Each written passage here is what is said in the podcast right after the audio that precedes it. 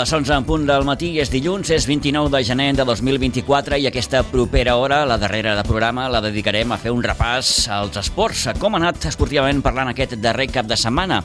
Ha començat la segona volta la majoria de les competicions. Eh, tenim que el Sitges va empatar 1 a 1 en la seva visita al camp de la Fundació Atlètic Vilafranca, per tant, bon resultat si fem cas al que comentava en acabar el partit el seu entrenador Toni Salido. Si més no, aquest empat trenca una dinàmica negativa que havia dut l'equip a perdre els seus dos últims partits. Amb empat ha començat aquesta segona volta de la Unió Esportiva Sitges en aquest grup tercer de primera catalana. Mm, repassarem com queda tot plegat i també parlarem de la tercera catalana, de la victòria agònica i probablement amb més problemes dels previstos la que va aconseguir el Sitges B el passat dissabte a Iguadols contra la Granada victòria per 2 a 1 amb un gol in extremis de falta en l'afegit de Dani Tamayo. Gran gol, per cert, per endur-se, com dèiem, aquesta victòria per 2 a 1 i ja són 12 jornades sense perdre per al conjunt d'Àlex Villalgordo. Repassarem també com queda aquesta tercera catalana en una jornada en què han perdut tret del Piera i l'empat del Ribes,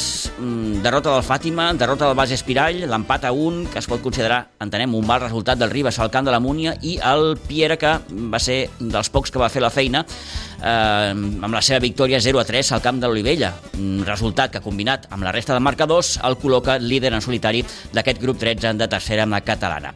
En bàsquet en recordarem i parlarem de la victòria ahir a la tarda del bàsquet Sitges a la pista del Pallejà, per començar també amb aquesta eh, segona volta, una victòria eh, fonamentada bàsicament des de la defensa, 46 a 57 va guanyar el conjunt d'Edo Pinheiro contra el Pallejà. Victòria també del Club Patí Subursitges, tercera ja consecutiva, l'efecte Jofre Vilà, que sembla que ha sorgit el seu efecte, i amb tres gols més, el jove jugador del Club Patí Subursitges va ajudar a la victòria del divendres a la nit 1 a 4 a la pista del Reus Ploms. Qui sembla que no arrenca, o li està costant molt arrencar, és el Rugby Club Sitges, tercera derrota ja en aquesta eh, segona fase a Divisió d'Honor Catalana, la que va patir el passat dissabte la Fuixarda 29 a 10 contra el Gòtics. Tot això i la resta d'esports des d'ara i fins les 12.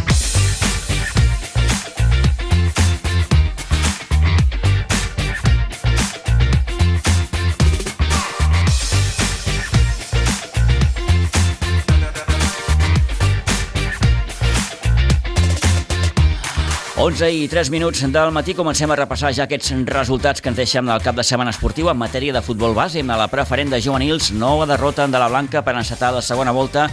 Derrota el passat dissabte al Nou Pinsbens per 0 a 2 davant la Floresta i la propera jornada, atenció, perquè tocarà jugar al camp del líder, al camp de l'Amposta i a la segona divisió, també de juvenils. El juvenil B va sumar els 3 punts davant un Vilanova que finalment s'ha retirat de la competició, almenys així consta a la mateixa federació. Repassem aquests i d'altres eh, marcadors dels equips de la Blanca, com cada setmana amb l'Isidre Gómez. Isidre, bon dia i bona hora. Hola, molt bon dia. Eh, gairebé sembla un déjà vu, això. El juvenil A que va perdre en 0 a 2, idèntic marcador. Sí, el sí. de l'altre dia contra el Sant Feliu, dissabte contra la Floresta. Per tant, no comença bé aquesta segona volta. I a més les sensacions és que els nanos no juguen malament perquè van tenir oportunitats per guanyar el partit, Mm? Però amb jugades desgraciades mm, arriben una vegada i te'l fumen. És allò que diuen mm, l'equip ofereix millors sensacions que no pas resultats. Sí, sí, es lluiten, competeixen, arriben, eh, dic, mm, jo recordo tres, eh, tres oportunitats davant del porter, allò sí, amb jugada complexa, però xutar i que anar-li la pilota a les mans del porter. Que si arriben a cap a un costadet, doncs són gols, Mhm. i ja està. I ells t'arriben una, una vegada i et marquen un gol, i després ja l'últim minut, doncs ja, quan juguen a la desesperada, doncs, amb una contra, pues, et rematen, però mm, els nanos no, no van fer un mal partit, sí que és veritat que eh, físicament moltes ve vegades perdem les jugades de- d'allò d'enfrontament físic, però bueno, mm, jugant ho intentem, però tenim la, De moment, la, la, com la mala sort. no acompanyen els resultats, eh, com dèiem, la propera jornada l'equip que visita el líder... Eh? mm, Pues imagina't. Bé, s'ha de jugar. S'ha de jugar. S'ha de jugar. Mira, igual sona la flauta i, i d'allà rasquem. El fotut Mhm. també és que aquesta setmana dos dels que anàvem a, a tiro, per dir-ho d'alguna manera, també han puntuat. Han O sigui puntuat, que, sí senyor. Sí, que ens queden ja... Es van tancant les opcions. Deia la setmana passada el Josu que quedava tota una segona volta. De moment ja hem mm, escapçat un partit, aquesta derrota 0-2, com dèiem, de dissabte davant la Floresta. Eh, recordem, ho dèiem també fa uns moments, que el juvenil B de segona divisió bé, va sumar aquests tres punts mm, perquè el Vilanova ja no es va presentar, tal i com vaticinaves, eh, Isidre, tot i que finalment eh, el Vilanova es veu que s'ha retirat. Bueno, jo crec que la, per allò que vam comentar, que si mm -hmm. portes ja uns quants partits et retiren. Sí, sí. Et retiren automàticament, llavors ja surt retirat. Però jo crec que no s'han retirat ells perquè si no els sancionaven en dos anys o dues temporades sense poder participar, llavors a mi de no presentar-se doncs, la federació es retira. D'acord. Suposo que anar, anar per aquí. I la setmana que ve doncs, aquests nanos també tenen un os perquè van a jugar contra el líder. Sí, senyor. Aquí a Berifollón i doncs ja veurem el que passa allà. Bé, doncs, cap de setmana interessant, eh? Amb la visita dels dos líders, eh, tant el juvenil A com el juvenil B. Què destaquem més d'aquesta pues jornada? Avui ens dedicarem al futbol 7 i tallarem uns quants partidets. Començarem per un líder molt sòlid, com és l'Alevià, que va jugar a Igualada i va guanyar 0 a 3. L'Alevin B va perdre Pinsbens 3 a 4 contra la penya recreativa Sant Feliu a l'Alevi C es va, va empatar al camp del Sant Feliu A, el D perdó, va perdre eh, camp de la Fundació Leti Vilafranca 3 a 1, el Supons A, que també és un líder ferm, va guanyar 13 a 1 a Pinsbens contra el Sitges B, l'Alibi B, Supons A, va perdre 5 a 0 al camp de la Fundació Unió Esportiva Cornellà D, Uh, en categoria Benjamí, el Benjamí que també és un ferm candidat a, a pujar, va guanyar 3 a 8 al camp del Sant Boià. El B descansava, el C va perdre a Pinsbens 1 a 9 contra el Marianao Poblet A. En categoria sub-9, a l'A va perdre 1 a 16 a Pinsbens contra el Fundació Unió Esportiva Cornellà.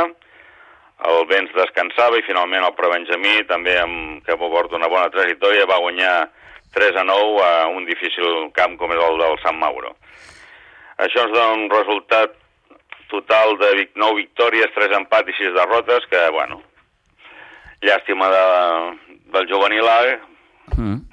que podria haver arreglat una miqueta la cosa, però bueno. Bé, en qualsevol cas, eh, és un bon cap de setmana en matèria de resultats i n'hem pogut parlar una setmana més amb l'Isidre Gómez. Isidre, moltíssimes gràcies, bona setmana. Gràcies a vosaltres. Adéu-siau. Adéu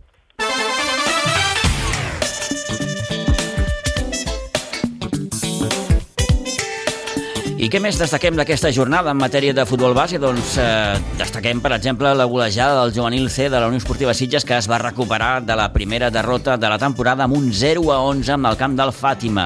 El Sitges que segueix liderant la classificació, la classificació per ser molt, molt apretada, té només, perquè se'n facin una idea, un punt d'avantatge respecte al Vilanova, que és el segon. De fet, el Vilanova va ser el que li va guanyar el primer partit de Lliga al conjunt eh, de David Ávila. I també destaquem l'empat sense gols del cadet de preferent, també dels Sitges, en la visita de la Rapitenca el passat dissabte al municipal d'Aiguadols, el cadet dels Sitges, que és en aquests moments penúltim a la classificació.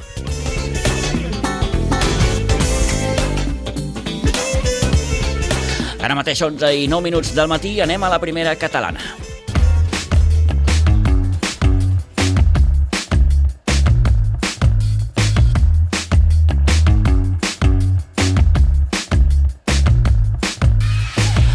Es pot donar com a bo l'empat de dissabte a Vilafranca? Preguntem. Probablement sí, perquè el Sitges afrontava aquest partit davant la Fundació Atlètic Vilafranca aquell cert neguit de les dues últimes eh, derrotes amb la Canonja i amb l'Escom aquí a Iguadols. Una tercera derrota que sense cap mena dubte potser hauria encès allò una petita llum d'alarma. Per tant, aquest punt, després ho escoltaran, d'entrada el seu entrenador Toni Salido el donava com a bo. Toni, bon dia, bona hora. Bon dia, bon dia, Pitu. És bo el punt de dissabte. Sí, sí, és bo. D'entrada perquè trenca una dinàmica negativa. Sí. I perquè una tercera derrota hagués creat doncs, aquest xup-xup de dir, compte que portem tres derrotes, que la cosa no va bé, tot i que reincidim amb allò de que dèiem fa uns dies, no? que, que l'equip, eh, les sensacions futbolístiques no són dolentes. Sí, sí, sí, estic totalment d'acord. El que passa que una, un cop analitzat tot això, el Sitges està més a prop d'empats de, que no de derrotes ni de victòries, no? Perquè al camp de la Canonja el Sitges va mereixer com a mínim l'empat, com a mínim, i va acabar perdent. Ahir, eh, dissabte, perdó, al camp de la Fundació Atlètic Vilafranca, el Sitges com a mínim va mereixer l'empat i va acabar empatant.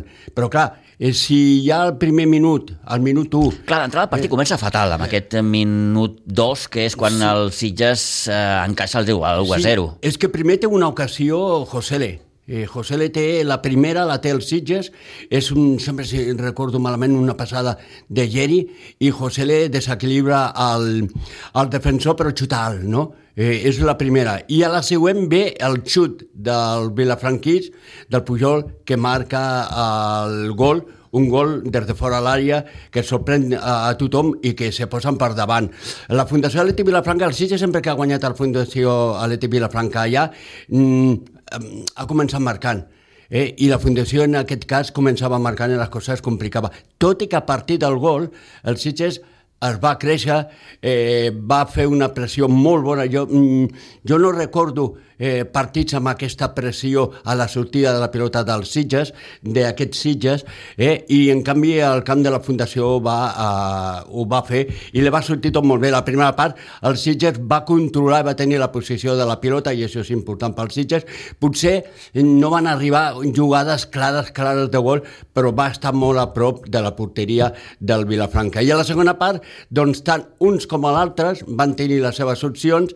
Eh, el Vilafranca va tenir una clara claríssima en la que el Lucas Cajes va estar molt acertat. Que tornava a la titularitat. I fi, fins i tot es va fer mal eh, doncs en aquesta aturada. Eh, podia haver significat el gol d'ells, però també la va tenir Pasqua i també la va tenir eh, doncs, a, als Sitges en, en arribades d'aquella, no en tant de perill, però sí aproximacions eh, que podien haver estat gol. José, del minut 19, igualava el marcador, l'empat a un, que va ser el resultat definitiu d'aquest Sitges eh, que, eh, ahir li dèiem al Toni, estava mirant la classificació i, i clar, el Sitges té ara 21 punts i el quart per la cua, que és el Sant Feliuenc, en suma 20. Per tant, hi ha un marge estratíssim. Sí, sí, sí. Estratíssim. Ara, ara estava mirant jo, Eh, I, de fet, eh, sí, està tot molt, molt, molt, molt ajustadet des del cinquè cap a baix. Eh? Sí, Molt sí. És allò que encadenes dos, tres mals resultats i te'n vas cap avall. Sí, perquè... De la mateixa jo... manera que encadenes dos, tres bons resultats i te'n vas cap amunt. Jo estava mirant, el Canonja té 22 punts uh, i el Sitges té 21. Sí. Eh? El Canonja està classificat actualment cinquè i el Sitges doncs, és el novè. Sí. Eh? Però és que del Sitges, eh, que, té, que té 21 punts, uh, com tu dius, el Sant Filuenc, que és, cinc, és quart per la cua, doncs té un punt. Un punt de marge només. Clar. I això és tan important aquest partit davant del Martorell eh, que guanya els Sitges perquè d'aquesta manera fas molt bo el punt que has aconseguit a la Fundació Atlètic Vilafranca i a més a més perquè no pots badar, perquè si bades te passa avall. Ara, d'aquí uns moments, eh, trucarem a Ángel Calvo, amb ell volem fer doncs, un primer balanç, una primera aproximació de com ha vist ell aquesta primera volta de l'equip a, la, a la primera catalana, però abans escoltarem Toni Salido, el míster dels Sitges, d'entrada donant com a bo aquest empat a dissabte a Vilafranca. Hombre, para mí es buenísimo, para mí es un punto buenísimo porque ya romper la racha de, de dos derrotas seguidas y era importante, cuenta que como tú bien has dicho, eh, eh, Palmosani, Palmo Vilanova eh, no, no, es un rival fácil, el Vilafranca juega muy bien y creo que hemos hecho una primera parte muy buena, eh, el único, creo que el único pero es que en el minuto y medio no te pueden meter un gol, cogen la segunda jugada y, lo mismo que la semana pasada, el rechace, chutan y el primer chute te lo meten para adentro. Pero creo que a partir de ahí el equipo ha racionado muy bien eh, y más viniendo de, de, de, dos derrotas, ¿no? que eso te puede psicológicamente chafar un poco y creo que hemos muy bien, haciendo muy buena primera parte y, y marcando un gran gol Josele que la verdad es que me alegro mucho por él, eh, sabemos la importancia que tiene para nosotros y más de lo que venía, ¿no? O sea, el 1 el 1 a 1 creo que ha sido eh, irnos a la primera parte más tranquilos, la verdad. Eh, sí que me hubiese gustado que hubiese durado un poquito más la primera parte, porque la verdad que estábamos muy bien. Y en la segunda, pues bueno, sabíamos que, que, la presión esta no nos podía pasar factura y bueno, hemos, hemos preferido estar un poquito más, cuidar la espalda, sabiendo de que, de que teníamos que intentar ser sólidos atrás, que, que, con poco, con muy poco nos hacen, nos estaban haciendo goles la última jornada y era un, un tema pendiente que teníamos hablado de intentar detener la portería cero. Lástima que en el minuto uno y medio se, se, nos ha ido, ¿no? Pero era el primer objetivo, volver a, a la solidez esa defensiva, de, de sentirnos seguros, porque sabemos que, que generamos. Acabo, en todos los partidos acabamos generando ocasiones. Creo que hoy en la segunda parte hemos podido matar con, las intervenciones de Sali con Pascua, que hemos tenido algunas y, al final no la hemos metido, ¿no? Pero sabemos que generamos ocasiones y, el equipo y el equipo genera. Entonces, por lo cual eh, tenemos claro de que, de que tenemos que ser defensivamente fuertes porque manteniendo la portería a cero poco, poco, pocos equipos nos pueden ganar. Entonces, nada, eh, contento, contento por el punto, contento por, por cortar la, la, racha de dos derrotas y positivo en el sentido de que tenemos un punto, un punto más que en la primera vuelta. Empezamos con derrota la primera vuelta, pues hemos empezado empatando.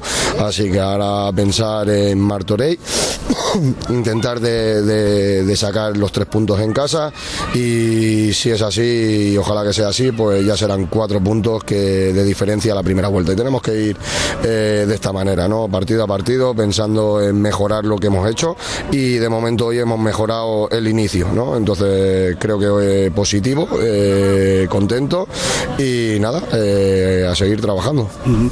Del partit d'avui, tot i rebre el gol tan aviat, el Sitges s'ha composat molt bé, eh, ha acabat empatat i fins i tot ha jugat una molt bona primera part perquè cada vegada que ells eh, el Sitges presionaba la sortida de pilota de ellos, ellos sufragaban, ¿eh?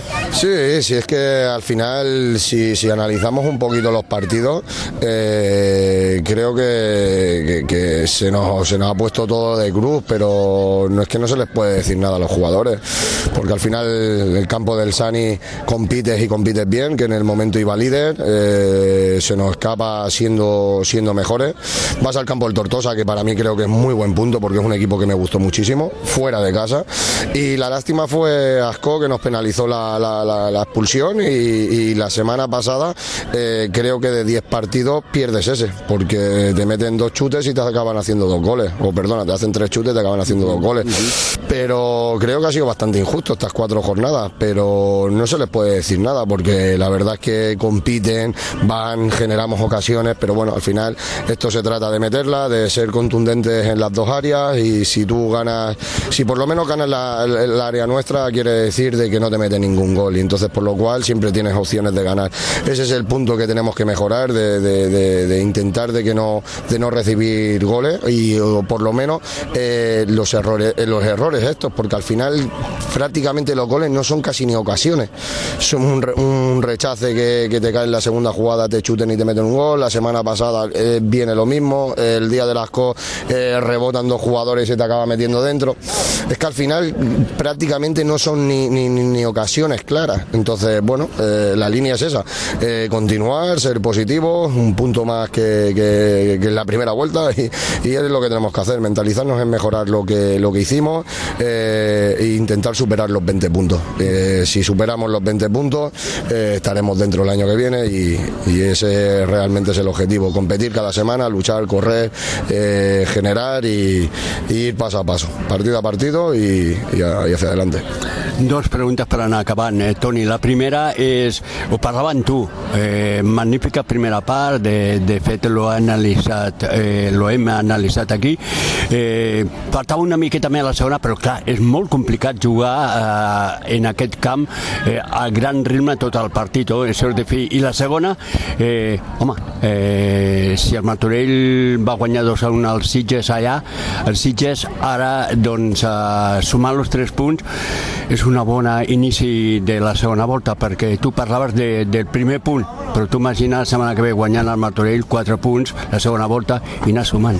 Eso sería magnífico, eso sería el mejor arranque que podríamos hacer, empatar fuera de casa y sacar los tres puntos en casa, y para eso trabajaremos esta semana. Eh, creo que, que, estamos en línea, eh, necesitábamos quitarnos un poquito la, presión de las derrotas, eh, la dinámica de, de, hacer las cosas bien y no ganar, y, y, esa es la clave, ¿no? de, de intentar seguir haciendo las cosas bien y tener un poquito más de fortuna de la que estamos teniendo, ser un poquito más efectivos cara a puerta y contundentes atrás. Esa, esa, esa es la clave, intentar de ganar en las dos áreas y, y la verdad que hoy nos podemos ir bastante contentos de Vilafranca. ¿Te preocupaba, eh, ya sí, ahora sí que acabo, ¿eh? ¿te preocupaba eh, sumar una derrota que Vilafranca sería la tercera consecutiva, Tony? Hombre, claro que preocupa, preocupa porque, porque al final el grupo no, no cuando tú eh, vas perdiendo, por mucho que vayas haciendo bien, entras en una dinámica que no, que no es buena. O sea, al final el fútbol se trata de meterla y de sacar puntos, o sea, no, no hay otra. Entonces, eh, preocupa de que si tú encadenas tres, tres derrotas seguidas, eh, ya vas con el agua al cuello. Pero esto, esto aquí y, en todos los deportes, creo. Al final, al final la competición tiene un sistema que es puntuar cada semana y cuando tú no puntúas eh, semana tras semana, pues llega un momento que, hay que hacer algo. Entonces, por lo cual, eh, encadenar la tercera derrota se hubiese sido un palo duro para el grupo porque creo que no se lo merecía. Creo que no se lo merecía porque están entrenando bien, eh, son solidarios, son, son, son trabajadores. La verdad que, intentamos hacer un buen juego con pelota, y, pero es lo que hablamos. Este juego es de meterla y si la metes sacas puntos, si no la metes no, sacas puntos. Entonces, claro, encadenar tres derrotas seguidas hubiese sido un palo hoy y por eso estoy muy feliz y muy contento de que, de que haya sido por lo menos un punto y romperlo.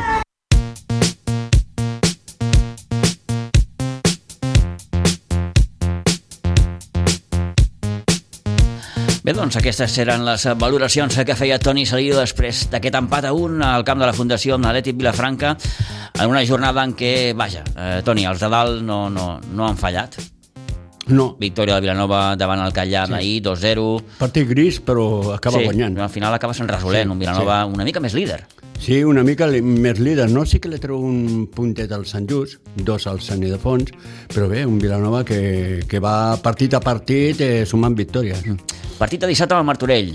Tu li preguntaves al Toni, és un partit molt important aquest. Molt, molt. De fet, molt... ho era el de dissabte també, com, com li deies, sí. eh, perquè clar, mm, de, si, oh, si, si encadenes una tercera derrota consecutiva... Clar, clar, tu acabes perdent i no sé I, què passa, sí. eh, no sé què passaria, no? Perquè, doncs, eh, i de fet el partit va començar molt, molt, molt lleig. Sí, sí, no, no, no, no, no va començar de la millor manera, sinó tot el contrari. Van començar marcant ells. Eh, va faltar això, no? Potser, doncs, eh, més ocasions i el golet, però al final eh, José le va marcar l'empat i te portes un punt boníssim, tal com va jugar el Sitges, no? que va jugar molt bé, eh? va mereixer com a mínim rascar una miqueta més. Però clar, el Martorell tens que guanyar, fer bo aquest punt que s'ha aconseguit, però és que si perds amb el Martorell eh, vas cap a baix i això sí que és perillós. 11 i 23, deixem la primera, anem cap a la tercera catalana.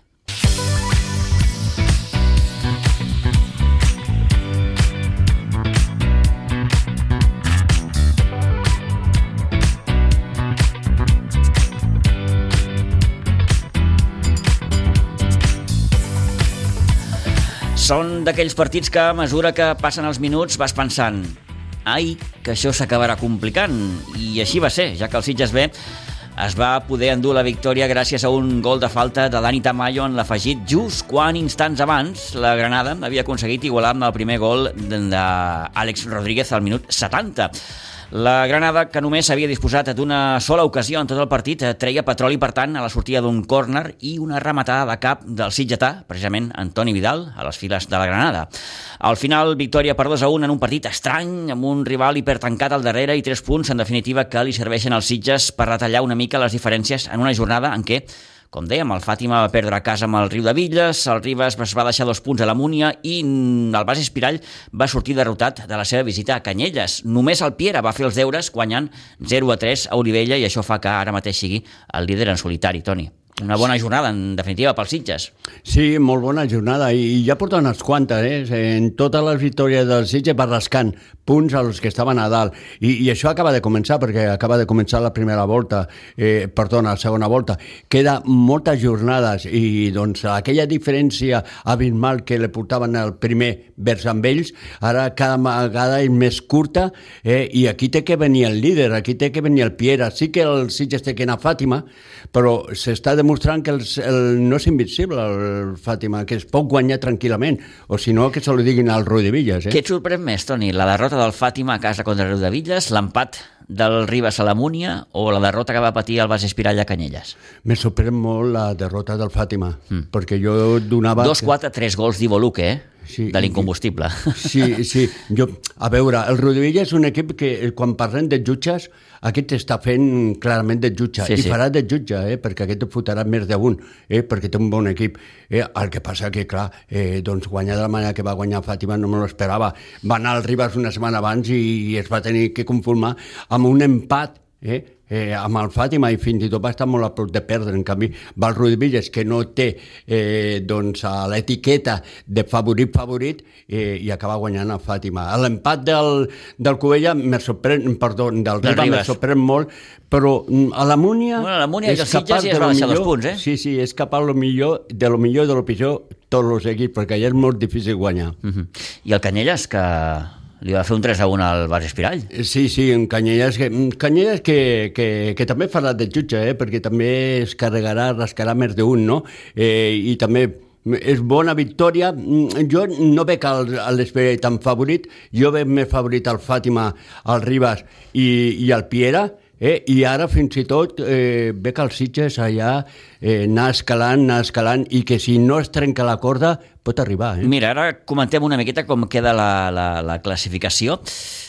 Victòria també de la Penya Jove, per cert, en aquesta sí, última jornada. Sí, primera victòria. Primera victòria primera necessària. Victòria, eh? Primera victòria, Dani, Jimeno, sí, Dani Jimeno a la banqueta. A més, amb un Jonathan Durango, te'n recordes, Jonathan Durango, sí, quan jugava als Sitges? Sí, sí. Que està grasset, però que va ser, per mi, quan van canviar el Jonathan Durango, se va acabar la penya jove. Al mig del camp, la feina que va fer, va donar les dues assistències de gol, eh, claríssima, les dues assistències, va fer un partit rodó i déu nhi un noi que, que, que ja porta molts anys jugant a futbol. Sí, sí, uns quants, uns i, quants. I que amb lo grasset que està, al mig del camp com ho fa funcionar. Encara té, conserva aquella, aquella qualitat. Eh, escoltem eh, Àlex Villalgordo, el míster del Sitges B, després de la victòria dissabte 2 a 1, com dèiem, davant la Granada, un gol de Dani Tamayo, com dèiem, que va desfermar l'alegria a la banqueta del conjunt sitgetà fins al punt que el mateix Àlex Villa va, va sortir uh, al, al terreny de joc a celebrar amb aquest gol de la victòria. Uh, partit estrany, com definia també el míster del Sitges. Bueno, Àlex, bona tarda.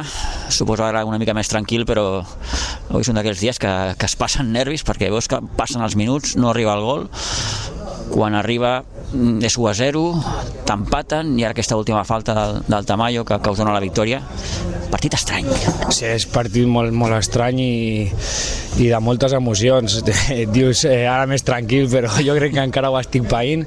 Eh, ha sigut un partit molt difícil. Nosaltres sabíem que que es tancarien bastant però no imaginaven que era fins a aquest punt, ens ha costat moltíssim trobar, perquè a més ho han fet molt bé, han tancat línies molt a prop eh, i hem, ens ha costat, tot i així hem tingut dos o tres ocasions a la primera part molt bones que no les hem pogut fer. I quan sembla que fem el gol ja quasi al final i que ara el partit s'havia ficat més de cara cap a nosaltres eh, ens marquen en una jugada que dius és l'única que han tingut en, tot el partit eh, era el 93 crec, dius, veus que se t'escapen eh, dos punts quan estem intentant lluitar per, per retallar? I bueno, al final un llançament de falta magnífic de, del Tamayo que, que aquesta qualitat individual ens ha donat els tres punts. Clàssic partit ho dèiem abans, que van passant els minuts i se't va complicant, perquè, com deies, no trobes espais, no trobes bones línies de passada, tens dos, tres ocasions, no les fas mm, i, i se complica. Eh, era molt difícil, jo si haig de, haig de felicitar els, els meus jugadors, no, no pel resultat ni al final, lògicament per la falta sí, però eh, era importantíssim no desquiciar-se, eh, un partit... Mantenir la calma avui, sobretot. Clar, mentalment era, era molt difícil, molt dur, ens estaven xocant contra una muralla tota l'estona i no trobàvem... Eh, és algo que no ens hem trobat mai en tota la temporada, un equip tan, tan tancat i hem seguit, hem continuat, hem intentat generar eh, per bandes i al final, mira, eh, ens emportem els tres punts que són d'or. Hi ha moments que fins i tot hi havia un cert descontrol, no? provocat també una miqueta per, per, pel joc de la Granada, no?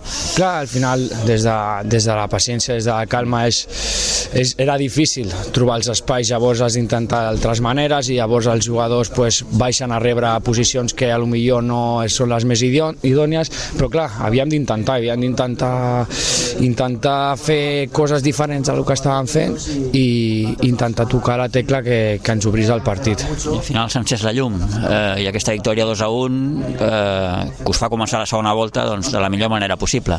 Són que 12 jornades sense perdre, Àlex. Exacte. Això mm, dir-ho és molt fàcil, fer-ho... Fer-ho no tant. Mm. sí, sí, estem, estem molt contents. Al, fi, al principi vam passar aquesta mala ratxa i, i els primers empats que no eren victòries semblava com que eren molt dures, era com perdre punts igualment i bé, sumant aquestes jornades de 3 en 3 fa que els punts que vas aconseguir, aquells empats, pues, valguin la pena, siguin importants, així que molt content, hem començat la segona volta brutal, eh, estem amb una dinàmica molt bona i hem d'intentar mantenir-la igual.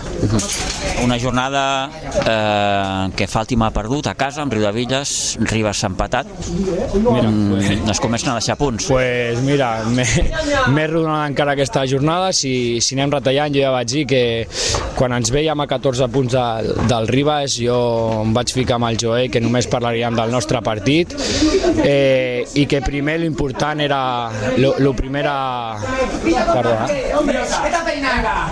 perdó, eh? Sí, sí. l'important era sumar 3 punts i un cop eh, suméssim els 3 punts jo ara ja puc obrir la pàgina de la federació veure qui s'ha deixat punts avui m'ho has dit tu així que més feliç eh, més que res perquè si s'apreta i estem a dalt estem lluitant per un objectiu perquè a vegades estàs una mica en terra de ningú i et deixa com mal sabor de boca. Però, sí, el que passi en la jornada sí que l'equip es vegi amb opcions d'anar escalant, no? Suposo. Sí, de lluitar per alguna cosa, d'anar apropant-nos, de, de que les coses s'estan fent bé i jo sóc l'entrenador, jo veig les coses amb més calma, soc, tinc una mica més d'experiència que els jugadors i jo sé que les coses s'estan fent bé, però al final el jugador el que vol són resultats i si els resultats no acompanyen eh, costa més veure aquestes coses. Bueno, com dèiem, es comença la segona volta, queda encara molta, molta tela, eh, ve ara el partit de les cabanyes, ve l'aturada del Carnaval i després fixa't quins dos partits. Sé que vosaltres voleu anar sempre partit a partit i ara s'ha de pensar en les cabanyes, que és un partit que, que, que, que s'ha de tirar endavant també. Sí, com dic, avui i demà a disfrutar de la victòria que ha sigut molt difícil, ha sigut molt patida. I, i després sí, pensar en les cabanyes i per afrontar després el Turmalet que ens venen ja tots els partits difícils, aquest calendari que, que te'ls fica tots seguits perquè no, no tinguis temps a descansar per afrontar-los amb, doncs, amb l'avantatge més propera possible i intentar estar lluitant per, per treure'ls les posicions. El fet que aquests dos partits et caiguin just després de l'aturada del Carnaval et preocupa més, menys, zero? No, no em preocupa perquè al final és millor que em caiguin aquests partits allà perquè els jugadors estaran tots, tots motivats i, i sé que farem bondat dintre del que cap i, i estarem centrats per les victòries. Molt bé, Àlex, doncs gràcies i enhorabona per la victòria. A tu, Pitu.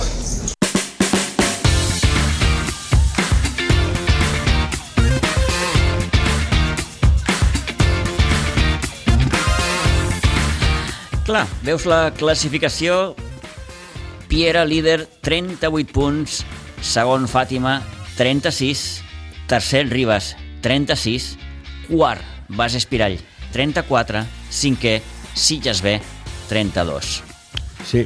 El que fa unes setmanes veies lluny, lluny, lluny. Molt lluny. Ara ja no és tan lluny, lluny, lluny. No, està és una dos mica partits. més a prop. Està a dos partits. A dos partits del líder. Eh? Sí, doncs estàs a 6 del líder, sí, estàs dos... a 4 del segon i el tercer, sí. i a 2 del quart. Sí, sí, i curiosament tu ja li portes més punts al, al que va per darrere teu, que és el Molanta, que el porta 7, que no el líder passa tu, que, el port, que te porta 6. Uh -huh. Bé, és interessant. És molt interessant. Tot i que ara ve el partit de les cabanyes. Sí, sí, sí. Penso que és un partit que el Sitges l'ha de guanyar. Sí, i que Àlex estava fent la feina i la estava guanya. observant a les cabanyes, eh, que serà el seu propi rival. Sí que, i, i, i més, les que, sí que jugava a camp contrari i en aquest cas juga al seu camp canvia molt l'equip al seu camp. Es veu un equip que té molta lluita, un equip jove que treballa molt, però que li falta gol i això ho està pagant fort. Si el Sitges aprofita això, doncs guanyarà aquest partit bé. Vindrà aleshores el parèntesis del cap de setmana de Carnaval Sí. per afrontar ja Piera, Aigua Dols i Ribes allà. Pa- Partits fundamentals. Partits fonamentals. Tu creus que aquests dos partits, Toni, poden marcar el futur de l'equip aquesta temporada? Sí, sí, sí. Sí? Sí, sí, totalment, totalment Tot d'acord. i que encara quedaran partits, eh? Sí, sí, però clar, són sis punts. I són eh, tres punts amb el Sis Piera. punts contra rivals que, que, que, que, que Clar. els tens allà, a, a tiro de piedra. Clar, clar, és que eh, si tu ets capaç de guanyar eh, doncs el Piera aquí i el Ribas al, al seu camp, que és capaç, eh? el Sitges al camp contrari és capaç de guanyar, eh, i més al camp del Ribas, que sempre ha anat força bé. Eh? Mm, escolta, te col·loques allà, queda molt el campionat, i ja te queden dos rivals directes menys, eh? Eh, que és el Ribas i el Piera. Sí que és cert que eh, en aquesta segona volta tocarà visitar camps com Fàtima i Bas Espirall també. Sí, clar. Jo crec que el calendari és pitjor. És pitjor en aquesta segona volta, em refereixo. Sí, Perquè que tots passa- els partits que tu vas tenir difícils a la primera volta els vas tenir a casa. És, és si un- exceptuem el del Piera. Correcte, és un calendari pitjor, però amb un inici millor. Mm. Eh?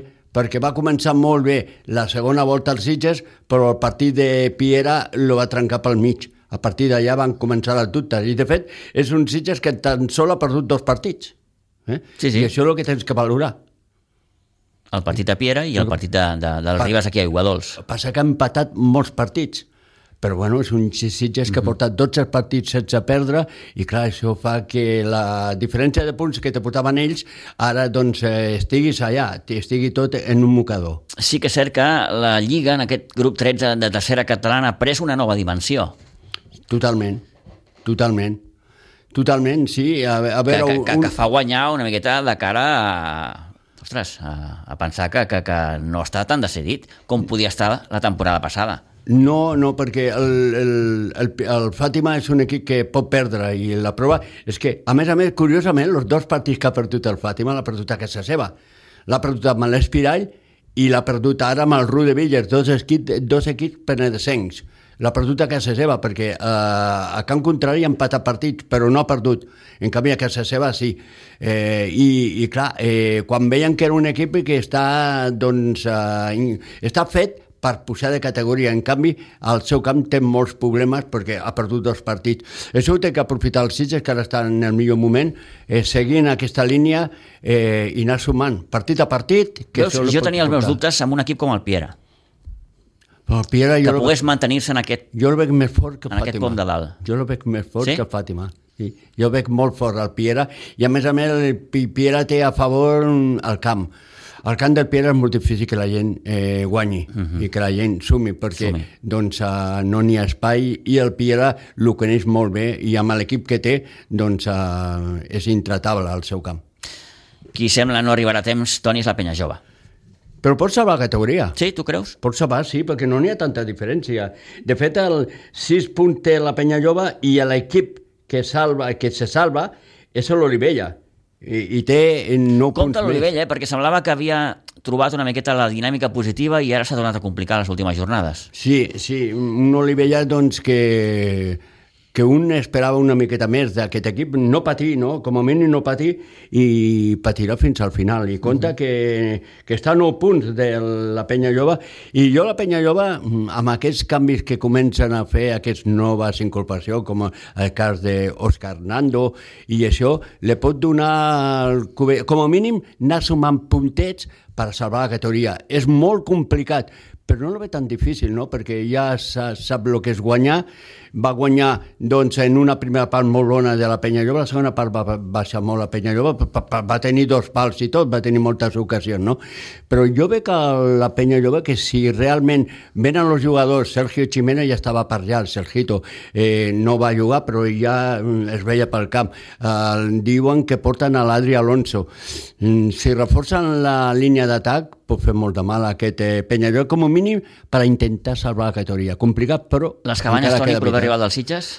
Les cabanyes, jo veig un equip que lluita, però jo veig molt superior als Sitges a les cabanyes, eh? molt superior. Tot i que juga al camp de les cabanyes, per mi és molt més equip als Sitges. Una victòria seria boníssima per als homes d'Àlex Villalgordo abans d'afrontar, doncs, com diguem, aquest parèntesi del Carnaval i, com no, aquests dos partits difícils, difícils contra el Piera i contra el Ribas.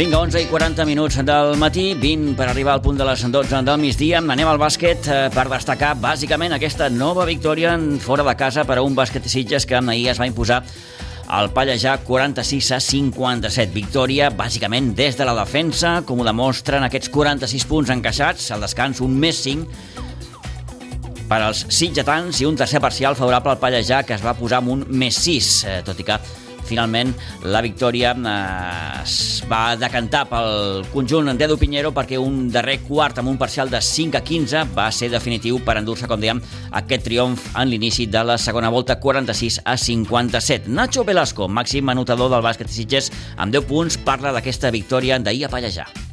Primer partit de la segona volta a casa del on el partit va començar amb un ritme alegre, amb intercanvi de canastes i un percentatge bastant alt en tirs de 3, tirs de 2 i tirs de 1, o sigui que era un intercanvi de cops on anava el partit bastant igualat i la intensitat era molt, molt alta, els seus jugadors, els més importants, estaven sumant, els nostres també estaven sumant, i va veure, va veure un parcial bastant bo al primer quart, que va durar fins que van començar les rotacions, allà més o menys al segon quart, va haver-hi canvis en part dels dos equips i allà vam començar a defensar més fort, on vam deixar la primera part al Pallejà amb 22 punts, que està molt bé, i ens vam anar al descans amb una, un avantatge no gaire ample, però bueno, pel treball de la primera part era eren punts que ens sabien bastant bé, o sigui, ens donaven molt d'aire, crec que va ser un 22 o 24 a 29, algo així, i nosaltres intentant ficar el nostre...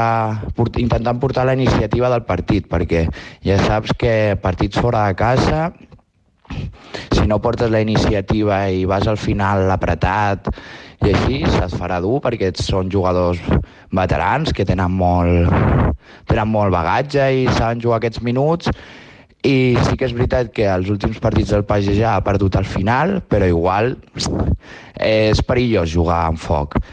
I bueno, al tercer quart, quan vam sortir a la segona part, no vam trobar un ritme bo, moltes pèrdues de bola en primera línia on ells corrien i clar, quan et corren i et fan punts fàcils i tu has d'anar a jugar al 5 per 5 estàtics et fa molt, molt passat trobar el ritme. Llavors allà vam, crec que vam sortir amb un 0-10 de parcial on ells es van ficar per davant i aquest avantatge del primer, de la primera part que ens havia costat tant eh, agafar ens va, bueno, en 3-4 minuts se'ns va esfumar i partit nou. O sigui, on havíem de pencar, havíem de ficar-nos al mono de treball i res, vam sortir jo i el Bustos de la banqueta amb el Fer, el Nil... Va ser un partit molt coral, això sí que ho voldria subratllar, que un treball de tots, molt concentrats als 11 jugadors, i on vam sumar tots en diferents aspectes del, del partit en defensa, el Nil va fer un molt bon partit en defensa, el Bustos va fer un molt bon partit en defensa també, el Jan Carrion va agafar la iniciativa i va portar un ritme alt, anotant, trobant-se còmode, va ser, va ser un partit molt coral on tots sabíem més o menys el que havíem de fer i com sumar per l'equip, cosa que altres partits com el del Círcul no vam trobar. I res, al final del partit, a l'últim al final del tercer quart i al final del, i al principi del quart, quart vam treure un avantatge on nosaltres a l'atac estàvem fins, eh, castigant la zona que ens van fer amb triples i res, vam treure un avantatge de 10 punts, 12 punts i amb això són les dinàmiques dels equips. Ells ja van deixar d'apretar, tot el que havien apretat al principi de la segona part al quart quart no ho van fer, ja es van baixar els braços i nosaltres lluitant, lluitant i seguint amb el ritme vam ampliar i vam aguantar l'avantatge la, de 12 a 14 punts i amb això ens vam dur un partit que va ser lluitat però nosaltres vam poder marcar el nostre ritme i amb això ens portem una victòria que, que sap a glòria. Aquesta segona part de la temporada, totes les victòries compten i en qualsevol partit et pots deixar una victòria que serà clau al final de temporada.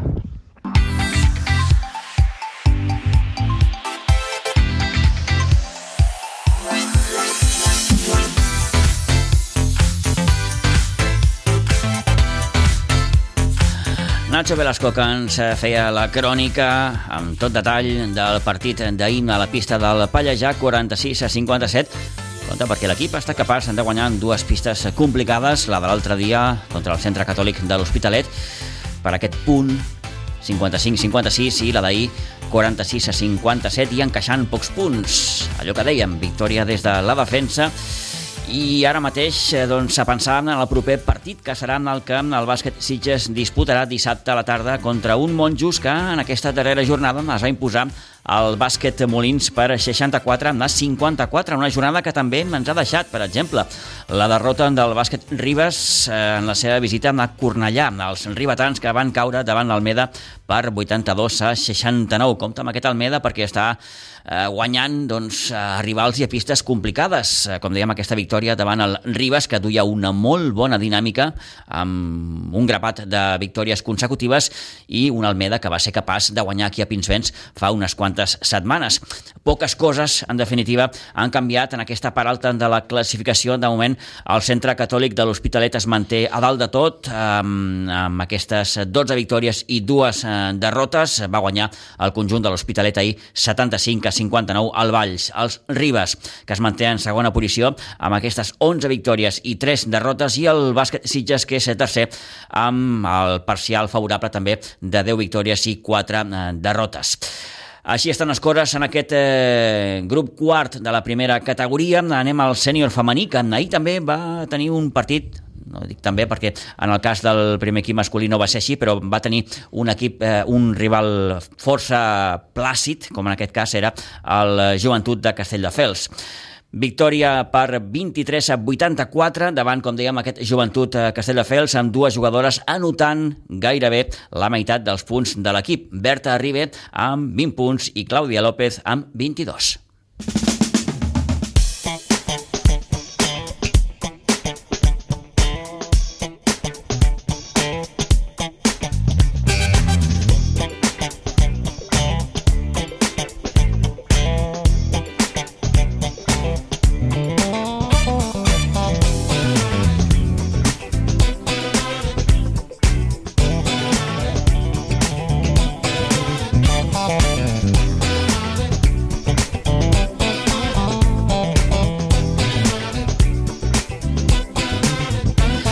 Vinga, deixem el bàsquet, anem a l'hoquei, perquè podem dir després del que hem vist últimament, que s'obre a partir d'ara un nou escenari per al Club Patí Sur. Sitges, divendres passat a la pista dels Reus Ploms, els sitgetans eh, que van encarar doncs aquesta segona volta amb una victòria per 1 a 4 en un match que a la mitja part ja duia força ben encarat amb un 0 a 3 gràcies a dos gols de Jofre Vilà i un altre d'Isaac Martínez. Malgrat que el conjunt reusenc es va posar amb un 1 a 3, un altre gol del Jofre, el seu tercer en el partit, va deixar aquest marcador de 1 a 4 i 3 punts més que ara mateix eh, situen el Club Patí Subursitges en l'11è lloc de la classificació, allunyant-se cada cop més de les places de descens.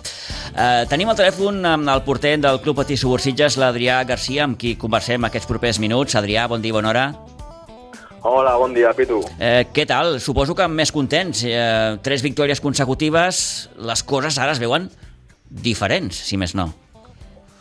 Sí, bueno, ara estem ja, gràcies a Déu, doncs ens hem salvat de la zona de baix, no? si traiem ja uns quants punts, i hem igualat amb la zona superior de punts, i bueno, això s'ha de seguir lluitant, s'ha de seguir lluitant i seguir guanyant. Eh, divendres a la nit, com dèiem, aquesta victòria per 1 a 4, un partit que ja deixàveu bastant ben encarat al, al descans, amb un 0 a 3. Sí, va, va ser un partit que bueno, ja sabíem on anàvem, que era una pista complicada, a Reus, amb àrbits també, però vam començar, vam sortir a tope, amb motivació, i a Reus sí que va fer una defensa molt tancada, llavors ens costava, ens costava molt poder entrar a l'àrea i vam començar doncs, a buscar xuts a lluny, que és quan van començar a marcar, que va ser el primer gol de l'Isaac dintre l'àrea, però els dos següents va ser d'en Jofre Vila, un xut exterior, que la va ficar cap a dintre. L'efecte Jofre, eh? Sí. Jo crec que en Jofre ha fet molt bona feina, però amb la part dels gols, perquè el sistema de joc és, és el mateix, l'únic que ha de tenir un jugador on té possibilitat de fer gols i ja s'està ficant, doncs això ens, ens ens fa que guanyem els partits ara. Era un dèficit aquest, Adrià, que tenia l'equip, eh? L'equip eh, sí. no acabava de rotllar per això, no? Perquè sí que creava ocasions, tenia ocasions, però li faltava aquesta última bola, aquesta última acció definitiva, i sembla que això el Jofre us, us ho dona i molt. Sí. Jo crec que el Jofre ha sigut molt important amb, amb aquesta segona volta ara i amb els últims partits de la primera, perquè ja et dic, és un jugador que té gol, i amb aquest sistema, si fem el pas al Jofre i el Jofre aconsegueix xutar o aconsegueix entrar dintre l'àrea, un 80% és que sigui gol. Uh -huh. Més enllà dels gols que pugui fer el Jofre, òbviament eh, és un jugador que, que també eh, col·labora en el, en, el, en, el, en el joc col·lectiu de l'equip, també ajuda els companys en aquest sentit. Correcte, el Jofre és, bueno, el seu pare és entrenador, mm. es coneix com nosaltres de bé el sistema, i cada dia amb els entrenos va aprenent més, va jugant amb els companys, anem fent pinya tots junts i jo crec que ara amb els següents partits hem de seguir guanyant. Um, aquesta victòria de l'altre dia a Reus, Adrià, doncs, com dèiem, us posa o us obre un nou escenari, no? Um, dèiem fa uns moments, home, les coses es veuen amb un altre prisma ara mateix, heu aconseguit sortir d'una situació uh, complicada, quan recordo quan, quan va acabar l'any, abans d'agafar les vacances de Nadal, l'equip doncs, estava en aquella zona difícil, complicada, i sortosament ara ha canviat tot això. Sí, correcte. Ja et dic, si ara amb el partit que teníem aquest divendres contra l'Amposta a casa 9 i mitja, si guanyem, inclús quan ja ens podem pujar a mitja taula, mm. més o mhm. menys. Quin creus que ha de ser el paper a partir d'ara de l'equip? Eh, pensar, òbviament, que, que, que es pot encara remuntar una miqueta més, no? Sí, a, a, a les primeres, primeres places no... no Home, està difícil, no eh? Està difícil. Tenen molts bons punts ja, però bueno, quedant a mitja taula jo em conformo, sabent els resultats de la temporada anterior, que ens vam salvar a l'últim partit, doncs jo crec que aquesta temporada, fent la feina ben feta ara, començant a guanyar partits i quedar a mitja taula cap amunt, jo crec que per la temporada que ve podem pensar poder lluitar per pujar a primera. Uh mhm. -huh. Potser li faltaria a l'equip això que dius, no? Vull dir, eh, marcar-se uns objectius més, més ambiciosos. Sí que fins ara tu no, no t'has pogut marcar un objectiu així perquè, home, eh, la plantilla és la que és, eh, sempre s'ha dit que en aquest planter li faltava una mica, com es diu en aquests casos, fons d'armari, no? recanvis. Eh, no sé si a partir d'ara, com dius, Adrià, mm, pots plantejar objectius més, més ambiciosos en aquest sentit. Ara som vuit jugadors, no? Ara a la plantilla ja són vuit jugadors un porter, sí que ens faltaria un porter, perquè tot depèn de mi, no? Si jo em faig mal, si jo em fico malalt... Ara t'ho anava a dir, eh, eh, clar, eh, no et constipis. Clar, això està clar. No constipis, o no, no em faci mal, o... perquè ja a final de temporada, de, de la temporada passada ja em vaig fer mal, hmm. i vaig estar un, un mes de baixa, i just va ser un paron que vam tindre un mes i ens va anar bé. Però ens passa ara i no tenim ningú porter. És un risc molt, molt gran, això, eh, Adrià? Sí, sí, sí, sí. Però, Però clar, bueno. Eh, tampoc pots anar a buscar ara un, un segon porter, o sí, no ho sé, però, però en qualsevol cas difícil. és, és difícil, no? Ara trobar algú sí. que, que et vingui al, a, al, al club. Eh, sí. Per tant... un porter, jo crec que si amb un segona catalana un porter vol jugar mm. i vindrà a Sitges un porter de fora per quedar-se a la banqueta, doncs costa. Mm. Costa. Com estàs veient la temporada, Adrià? Bueno, van començar força bé, sí que vam tindre una mica de fluixera amb resultats, de que anàvem guanyant, ens remuntàvem, acabàvem amb empate, però bueno, ara amb la incorporació del Jofre estem entrenant a tope, estem veient resultats que abans no en teníem i hem de seguir, hem de seguir treballant i seguir lluitant. Uh -huh. eh, Consolidar-se, com dèiem, eh, en aquesta segona catalana després d'uns quants anys de patiment, perquè Déu-n'hi-do quins anys, eh, Adrià? Sí, bueno, jo porto aquí 3 anys, em sembla que és aquest, tercer o segon any, mm. i que jo, jo vaig entrar quan estaven en primera, que va ser quan van baixar a segona, i bueno, ara, el, el meu objectiu és mantenir la categoria, jo he intentat tindre la porteria a zero el màxim possible de partit, i intentar ajudar els companys que confiïn en mi, que la porteria estic jo, que jo me l'esperaré, i, però ells han de fer la, la feina de marcar gol. Uh mhm. -huh. Jo l'espero, però ells han de ficar dintre també. Com veus el partit de divendres amb l'Amposta? Bueno, allà a Amposta van guanyar, i jo crec que sí que tenim una baixa d'Aleix Garreta, que no pot venir en aquest partit, que és un jugador que també fa força gols últimament, i té bastant de xut, però bueno, jo crec que si seguim amb aquest ritme, jugant amb equip, confiats, amb motivació i sortint del minut 1 a tope, jo crec que podem tindre un bon resultat. És que clar, ara que parlaves de la baixa de l'Aleix, eh, ara qualsevol baixa, ostres, és important. Recordo que el dia del Vilanova no van poder jugar ni al Morera ni al, ni a l'Isaac. Eh, ostres, també s'ha de notar això. De notar, nota, això està clar. Però per mm. sort tenim tant, com tenim també un juvenil, que a Lugo, juvenil, també puja bastant amb nosaltres i ja ha jugat bastants partits i entrena amb nosaltres, jo crec que no, no hi hauria cap problema. Uh -huh. Escolta'm, et pregunto sobre això de jugar els divendres. A tu què et sembla? Home, per mi millor, sí? perquè jugo divendres i ja tinc el cap de setmana. D'acord. O sigui, per mi molt millor. El problema és l'afició, que l'afició doncs, no en tenim. Divendres a aquesta hora, bastant tard... Clar, costa més i... que la gent, sobretot ara, sobretot ara que és, que, és, que és hivern i que, clar, són hores que, que la gent està més, més a casa que no pas a fora, no? Correcte. Si això t'enganxa més avançada la temporada, probablement doncs, la gent s'animi més, no? Però... És, és, sí, és... Jo, jo crec que ara amb els resultats que estem fent, si, si ve afició, jo crec que amb el nostre sistema ja s'hi pot agradar els partits i convèncer-los que vinguin hauran jugar perquè és disfrutar. És allò que diuen, eh? allò que diuen, eh? Que, que molts cops eh, és l'equip que arrossega l'afició i, i bé, quin millor reclam ara mateix, Adrià, que, que aquestes tres victòries consecutives que porteu, el fet que heu Correcte. incorporat un jugador com, com, com el Jofre, que és un jugador doncs, eh, que, que, que, que us aporta el que us aporta, està bé això, vull dir, és un bon reclam. Sí, sí, està clar. Està clar. Molt bé. Doncs, Adrià, gràcies per haver atès la nostra trucada, que vagi molt bé i molta sort al que resta de temporada. Vale, pues moltes gràcies, Pitu. Adéu-siau, bon dia. Adéu, bon dia.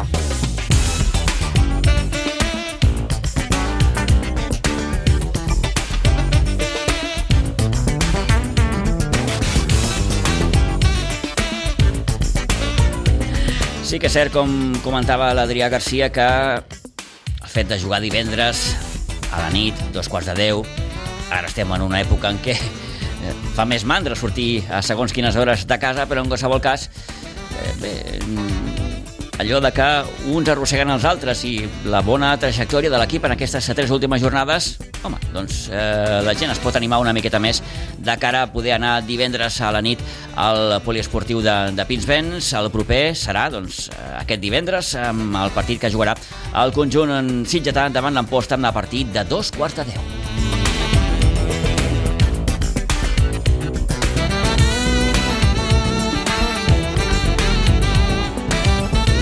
Vinga, encarem la recta final ja d'aquest temps eh, de l'escompte, minuts finals per parlar de rugby, perquè definitivament aquesta segona fase està resultant més complicada del que potser es podia preveure per a un Rugby Club Sitges que ara mateix està lluny de poder pensar en lluitar pel títol a Divisió d'Honor catalana.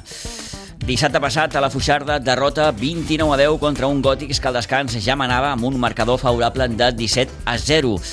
Tercera derrota en quatre partits que, de moment, de moment deixen els eh, d'Isaac Reichmond amb només una victòria i partit eh, bastant clau, el que haurà de jugar no aquest cap de setmana, sinó el cap de setmana que ve, coincidint amb el cap de setmana de Carnaval. De fet, el rugby és dels poquets esports, per no dir l'únic, que sí que tindrà competició, no aturarà la seva competició, tot i que sigui eh, Carnaval. Eh, 10 de febrer, aquí a Pinsbens, partit eh, important, com dèiem, contra el Químic, en aquest cap de setmana de Carnaval. En futbol sala, el cap de setmana ens ha deixat també la derrota del primer equip masculí del futbol sala Sitges, que va perdre 7 a 4 contra el Cubelles ahir al pavelló de Cubelles, mentre que el femení va sortir golejat 8 a 0 en el seu partit amb el Sant Joan d'Espí, l'equip masculí que continua amb problemes a la part baixa de la classificació. Tampoc ha estat un bon cap de setmana, en definitiva, per als equips del Sitges Hockey Club, i parlem d'hoquei herba, derrota de l'equip femení de segona categoria 7 a 0 davant el Terrassa i derrotes també dels dos equips eh, de les Mamis, l'equip blau que va perdre en 0 a 3 a casa amb el Terrassa i l'equip vermell que va perdre en 2 a 0 davant el Rimes també de Terrassa. Bé, doncs, amb aquests apunts de poliesportiu i de hoquei herba tanquem ja amb aquest temps de descompte d'avui 29 de gener.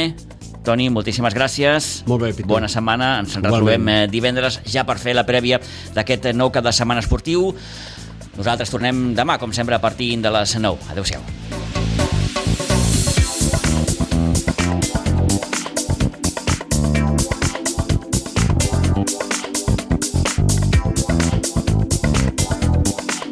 A Ràdio Maricel, cada dia, al matí amb nosaltres.